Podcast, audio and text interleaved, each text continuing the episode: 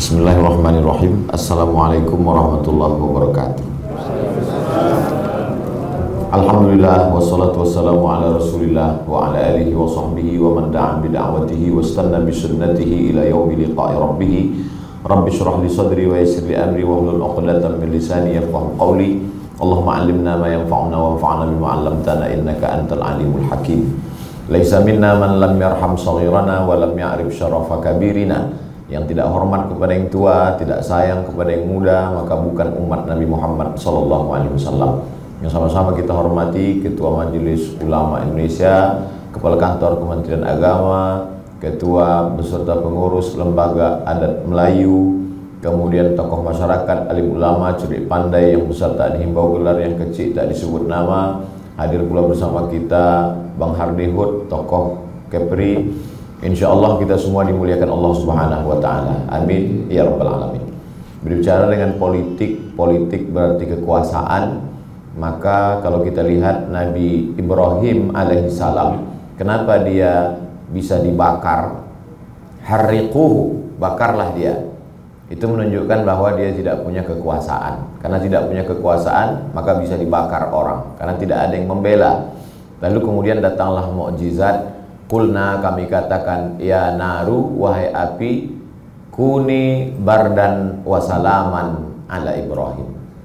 Lalu kemudian berpindah pada masa Nabi Musa alaihissalam. Bagaimana Nabi Musa bisa terusir dari Mesir? Karena Nabi Musa punya, tidak punya kekuasaan, tak ada kekuasaannya. Akhirnya dia bawalah Bani Israel itu dalam tafsir Ibnu Katsir disebutkan jumlah Bani Israel yang dibawa oleh Nabi Musa menyeberang dari Mesir melewati Laut Merah ke Palestina itu sitami salas sitami ati alf 600 ribu orang. Artinya dia tidak punya kekuasaan. Kekuasaan dipegang oleh Fir'aun. Lalu kemudian puncaknya juga sama datang mukjizat. Falamma adrakahul gharaqu akhirnya tenggelam juga Fir'aun. Lalu kemudian Nabi Musa menyeberang dan dia tidak sampai ke Palestina. Dia meninggal di dataran Sinai. Lalu kemudian perjalanan itu dilanjutkan oleh murid Nabi Musa bernama Yusha bin Nun. Dalam literatur barat disebut dengan Joshua. Lalu kemudian sampailah pada masa Nabi Isa alaihissalam.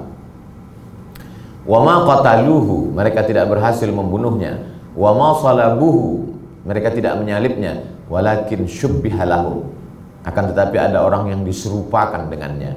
Karena waktu itu ada koalisi besar antara tokoh agama pendeta-pendeta Yahudi dengan kekuasaan yaitu bangsa Romawi. Karena Palestina adalah salah satu daerah jajahan Romawi. Lalu kemudian ketika pertemuan perkumpulan Nabi Isa itu dianggap sebuah ancaman dua kelompok merasa ini ancaman Pendeta-pendeta merasa kehadiran Nabi Isa sebagai ancaman. Karena kalau ini besar nanti akan mengalahkan pamor para pendeta Yahudi. Lalu kemudian tokoh agama, tokoh penguasa dari bangsa Romawi juga merasa ini nanti mengancam. Akhirnya Romawi dengan Yahudi yang selama ini tidak pernah berkoalisi karena bertemu dengan musuh. Jadi musuh bisa menyatukan orang-orang yang selama ini mendapat musuh bersama, akhirnya bersatu Ditambah lagi ada salah satu murid yang berkhianat namanya Yudas Iskariot. Akhirnya mereka pun mau menangkap Nabi Isa berakhir dengan mukjizat. Jadi ada tiga titik persamaan antara Ibrahim, Musa, Isa tidak ada kekuasaan dan berakhir dengan mukjizat. Ketiga-tiganya diselamatkan oleh mukjizat yang diceritakan Allah secara detail dalam Al-Qur'an, tidak sedetil solat zuhur empat rakaat. Tidak sedetil solat subuh dua rakaat Kenapa dalam fikih detailnya solat detailnya justru dalam fikih rukun solat 13. Tapi kehidupan kekuasaan Nabi diceritakan secara detail dalam Al-Quran sampai akhirnya nampaklah perbedaan antara mereka dengan Sayyidina wa Maulana wa Syafi'ina wa Zuhrina Muhammad Sallallahu Alaihi Wasallam. Itulah mengapa Michael H. Hart ketika mengumpulkan 100 tokoh 100 influential person in history dia buat Muhammad SAW itu nomor satu. Kenapa? Karena dia bukan hanya sebagai tokoh spiritual, tapi dia meninggal berhasil meninggalkan kekuasaan. Yang dalam bahasa bahasa agama kita disebut dengan tarakana alal mahajjatil bayda lailuha kanahariha malamnya seperti siang maka Madinah itu disebut dengan Al-Madinah Al-Munawwarah karena ketika itu kekuasaan dipegang oleh Nabi Muhammad Wasallam.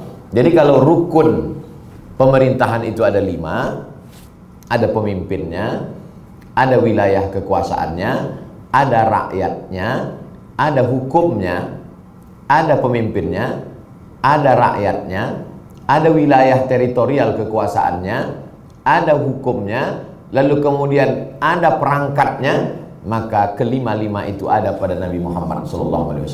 Mana wilayah teritorialnya? Makkah dan Madinah. Mana penduduknya? Muhajirin dan Ansar. Ditambah yang non-muslim, Bani Nadir, Bani Quraizah, Bani Qainuqa, dan sebagian orang musyrik yang tidak memusuhi Nabi. Apa hukum yang dipakai? Al-Quran dan Sunnah Rasulullah SAW. Mana perangkatnya? Nabi, Abu Bakar, Umar, Utsman, Ali, Tolhah, Zubair, Aisyah. Ada penterjemahnya, ada sekretarisnya. Semua diterjemahkan oleh sahabat Nabi Zaid bin Sabit. Ta'alam tuha, tuha. Aku pelajari bahasa Yahudi itu secara mendalam selama nisbah syahrin setengah bulan. Lalu kemudian ada hukum, ada wilayah, ada masyarakat dan dipimpin langsung oleh Nabi Muhammad sallallahu alaihi wasallam. Maka ketika Nabi SAW meninggal, berkumpullah sahabat di Saqifah Bani Sa'idah. Mereka bermusyawarah siapa yang akan menjadi mengganti kepemimpinan setelah Nabi Muhammad SAW. Bukan kenabian, karena kenabian la nabiya ba'da, la nabiya wala rasula ba'da. Tapi yang mereka bicarakan di Saqifah Bani Sa'idah itu adalah kepemimpinan setelah Nabi Muhammad SAW meninggal. Lalu orang Syiah menuduh bahwa Abu Bakar dengan Umar berkoalisi untuk menyingkirkan Sayyidina Ali. Padahal kita tahu paham dalam fikih kalau orang meninggal yang paling layak memandikan jenazahnya adalah ahli bait keluarga. Maka sesungguhnya mereka sedang bagi-bagi tugas. Sayyidina Ali, Sayyidina Abbas, Sayyidina Abdullah bin Abbas, Sayyidina Fadl bin Abbas mereka mengurus jenazah Nabi karena mereka ahli bait. Sedangkan Abu Bakar dengan Umar berkumpul di Saqifah Bani Sa'idah mengurus urusan.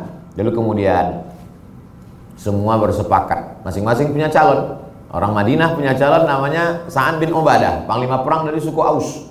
Sedangkan orang Makkah punya calon Umar bin Khattab, panglima perang juga. Lalu kemudian Umar mengatakan ada indikasi lain. Apa itu? Bahwa Nabi ketika sakit mengangkat Abu Bakar sebagai imam sholat. Maka imamatun suara dalilun ala imamatin kubra. Imam kecil, imam sholat itu menunjukkan indikasi imam besar untuk menjadi pemimpin umat. Maka akhirnya mereka bersepakat Ketika itu kata Abu Bakar Siddiq Al-a'immatu min Quraisy. Imam ini diangkat dari golongan Quraisy. Dengan diangkatnya golongan Quraisy sebagai imam, tereliminasilah Ansor karena Sa'ad bin Ubadah bukan Quraisy. Dan di antara Quraisy ini siapa yang paling berhak? Maka ada indikasi Nabi menyuruh jadi imam sholat itu seolah-olah itu indikasi. Lalu kemudian bergantilah kekuasaan itu selama empat kali dari Abu Bakar kepada Umar, dari Sina Umar kepada Sina Utsman, dari Utsman kepada Sayyidina Ali, maka pergantian dari Nabi Muhammad ke Sina Abu Bakar, Sayyidina Umar, Sina Utsman ke Sayyidina Ali ini ditulis begitu cantik dan apik pada tahun 450 Hijrah oleh seorang ulama bermazhab Syafi'i bernama Al-Imam Al-Mawardi dalam kitab yang disebut dengan Al-Ahkam As-Sultaniyah. Lalu kemudian direfresh, disegarkan kembali oleh Imam Ibn Taimiyah dalam kitab As-Siyasah Asy-Syar'iyyah. Lalu kemudian dalam kitab fikih, fikih dibagi lagi. Ada fikih ibadah, salat, zakat, puasa, haji. Ada fikih muamalah, gadai, jual beli, utang piutang, murabahah, mudharabah, permodalan syariah bagi hasil dan lain sebagainya. Disebut dengan fikih muamalah. Ada yang disebut dengan fikih munakaha, talak, rujuk, li'an, khulu dan seterusnya. Ada pula yang disebut dengan fikih siasa. Jadi fikih adalah salah satu cabang juzuknya adalah fikih siasa. Hampir tidak ada kitab fikih yang tidak membahas fikih siasa. Untuk membatalkan argumentasi sebagian orang mengatakan bahwa Islam hanya mengurus masalah hati, masalah kolbu, masalah tazkiyatun nafs saja. Islam hanyalah agama spiritualitas saja, tidak mengurus masalah politik. Padahal berabad-abad silam, khususnya mazhab syafi'i lah yang amat sangat berperan dalam masalah bercerita tentang fikih politik ini. Lalu kemudian muncullah kitab-kitab kontemporer di antaranya yang ditulis oleh Syekh Yusuf Al-Qaradawi dalam bukunya yang dicetak oleh Darussuruk berjudul Min Fiqhid Daulah. Ijtihad yang lebih kontemporer bercerita tentang bagaimana perempuan bisa menjadi anggota legislatif dan lain sebagainya. Lalu kemudian Islam mazhab Syafi'i dengan ijtihad politik itu sampai ke negeri Melayu. Ke Nusantara khususnya. Lalu kemudian kalau kita lihat pada nisan yang paling tua raja-raja di Nusantara tertulis di situ 1297. 1297 adalah meninggalnya Meraselu. Meraselu yang masuk Islam berubah namanya menjadi Al-Malikus Saleh. Al-Malikus Saleh sulit orang Nusantara menyebut Al-Malikus Saleh disebut dengan Malikul Saleh. Artinya apa? Pada 1297 orang Indonesia yang belakangan nama itu datang setelah datang penjajahan Belanda Indonesia Indo India Indonesia pulau-pulau Indonesia dalam terjemahan Arabnya Al-Juzur Al-Hindiyah pulau-pulau yang ada di balik India. Jadi Indonesia nama datang belakangan. Nama nama kita adalah berdasarkan daerah masing-masing dari mulai pucuk Sumatera, Aceh sampailah Papua, sampai Makassar dan lain sebagainya. Sehingga nama-nama mereka itu selalu memakai nama daerah dia. Kalau kita lihat bagaimana seorang ulama dari Makassar yang dibuang ke Cape Afrika Selatan dipakai tidak pakai Indonesia tapi pakai nama dia Syekh Yusuf Al-Makassari Tajul Khalwati. Ketika mereka berhasil jadi imam di Masjidil Haram, dia pakai nama daerahnya Syekh Ahmad Khatib Al-Mingkabawi.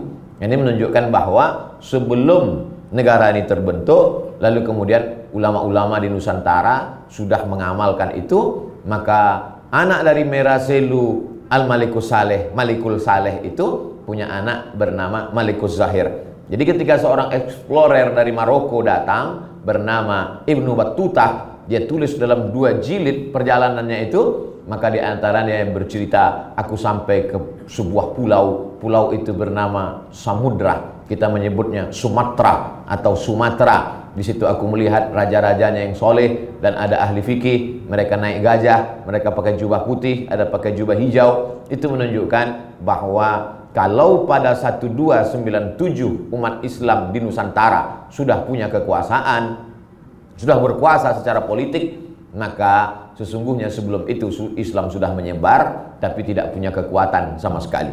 1297 Islam berkuasa di Sumatera, lalu kemudian Wali Songo 14 sekian.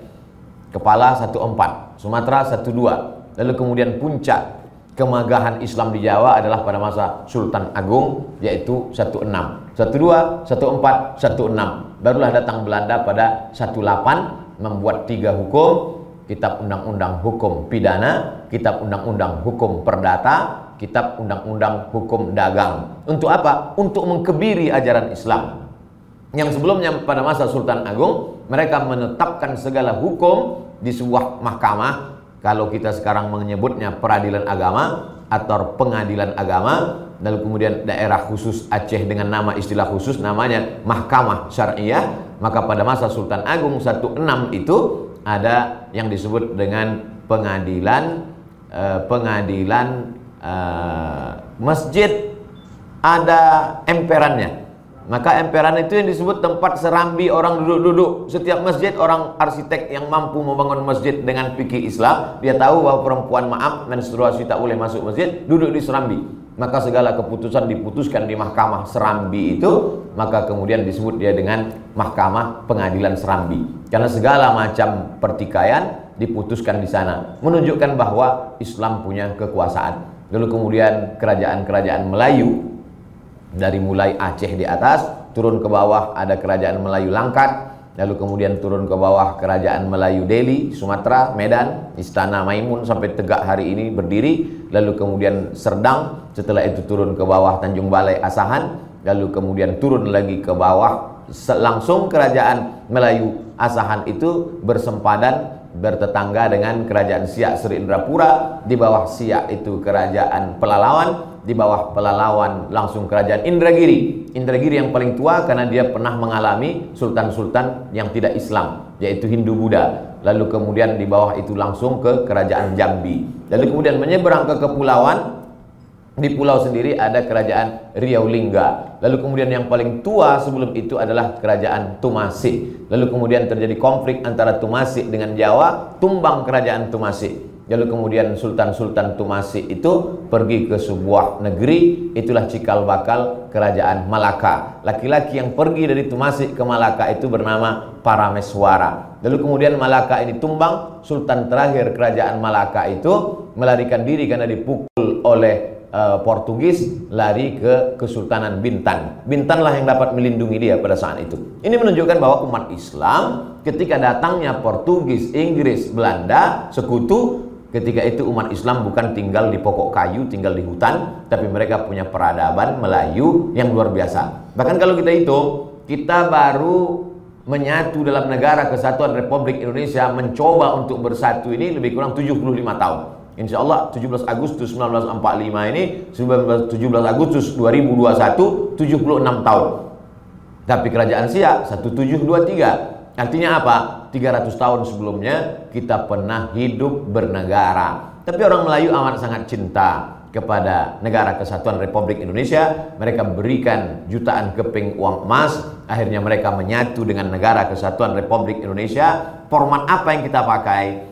maka berkumpullah umat ini mengamalkan hadis Nabi la tajtami'u ummati ala dhalalatin tidak akan mungkin umatku ini berkumpul untuk suatu kesesatan akhirnya berkumpul bermusyawarah mereka mengamalkan firman Allah wa amruhum syura bainahum. Kira-kira apa yang kita pakai? Akhirnya mereka founding father pada pendiri bangsa ini menyepakati kita pakailah antara nasionalisme dengan keagamaan.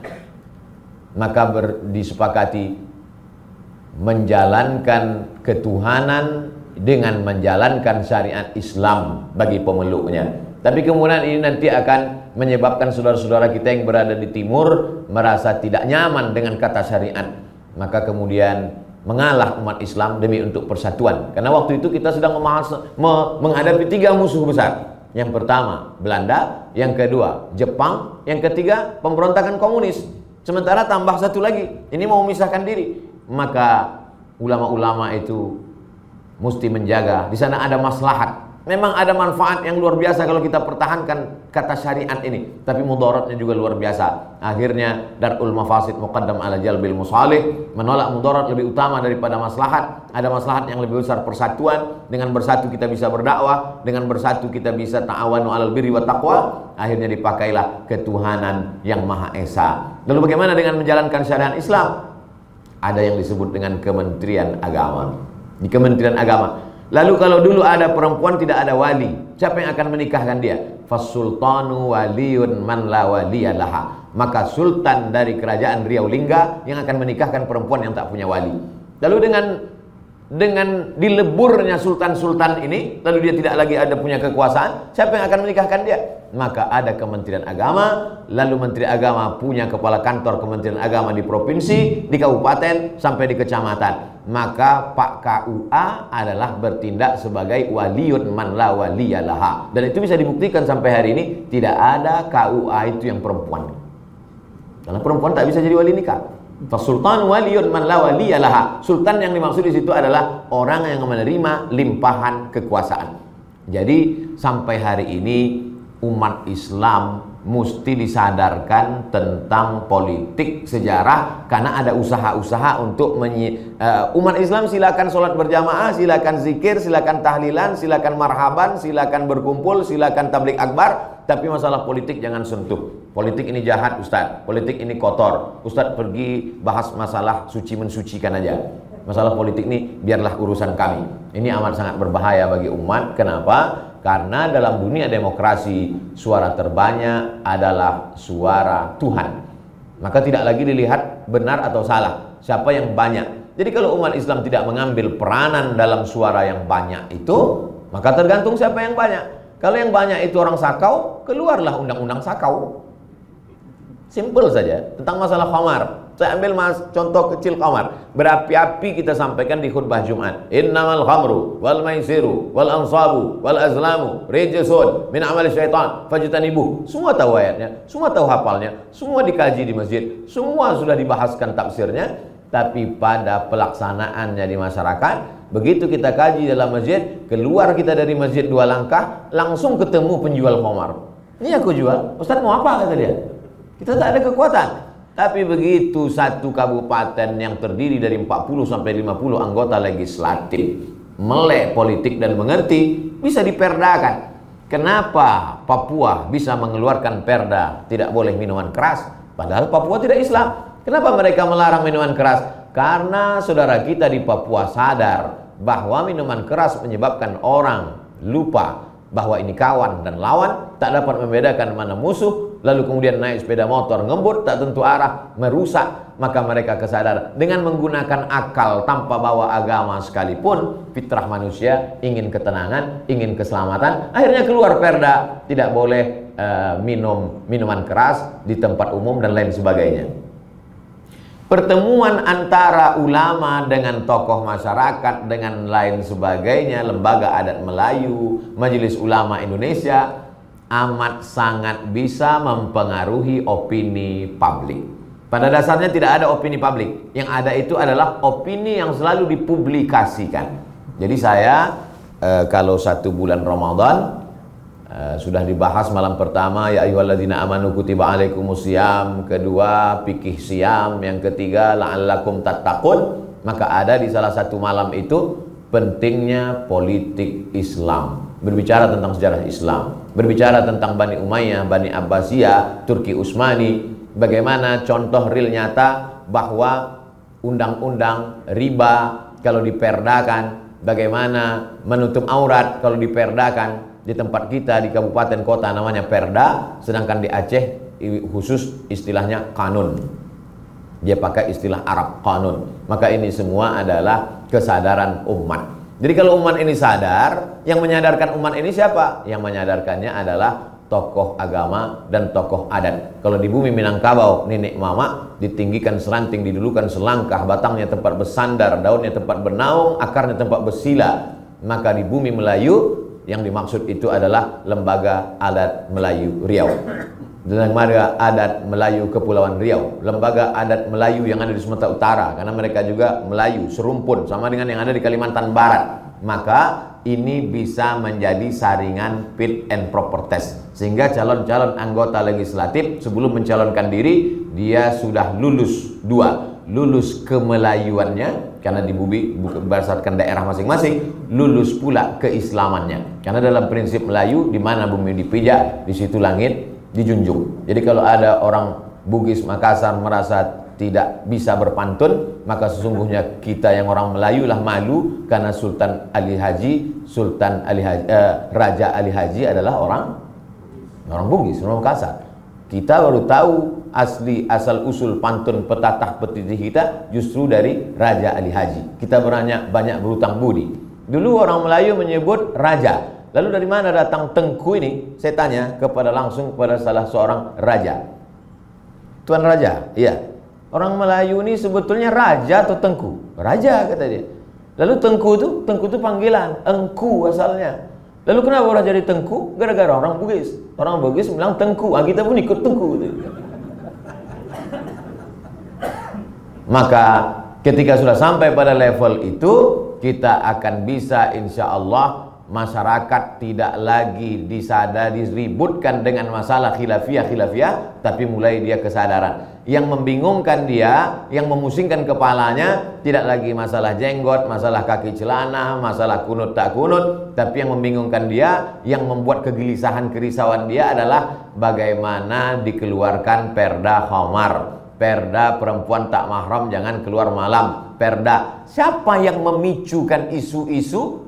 Ustadz dan tokoh adat. Tokoh adat bicara tentang adat, adat bersendi sarak, sarak bersendi kitabullah. Sekali layar terkembang surut untuk berpantang. Melayu adalah Islam. Melayu tanpa Islam, hilang Islamnya tinggal layunya saja.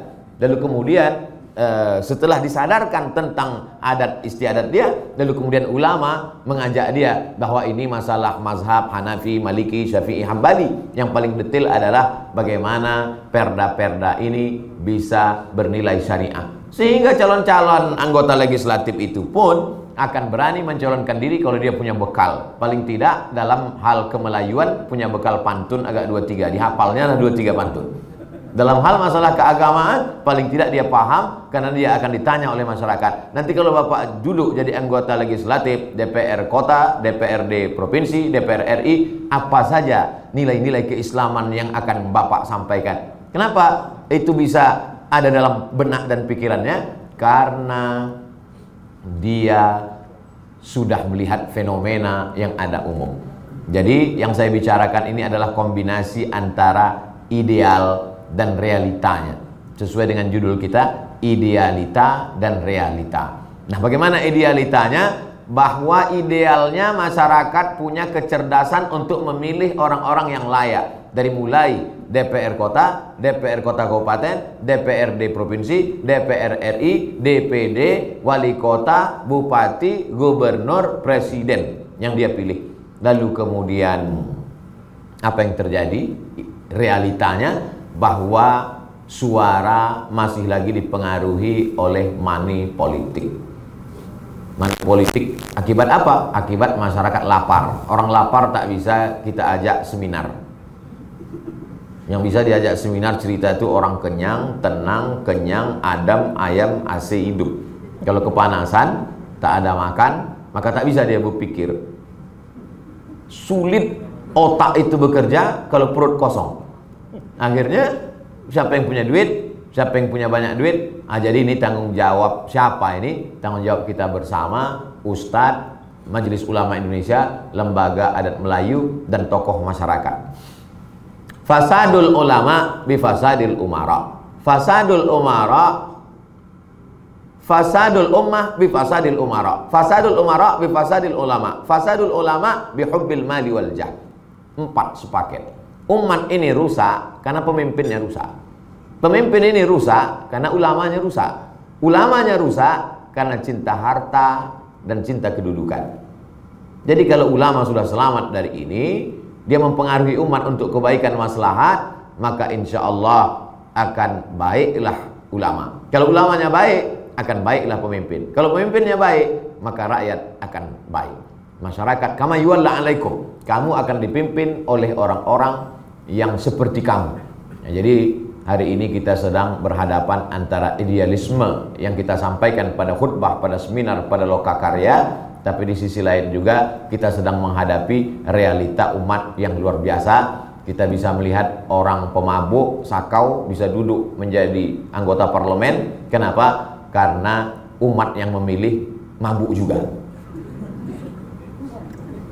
Dari mana kita memperbaiki ini? Banyak yang mengatakan, udahlah tak usah kita cerita politik ini capek, kita tak ada pangkalnya, tak ada ujungnya.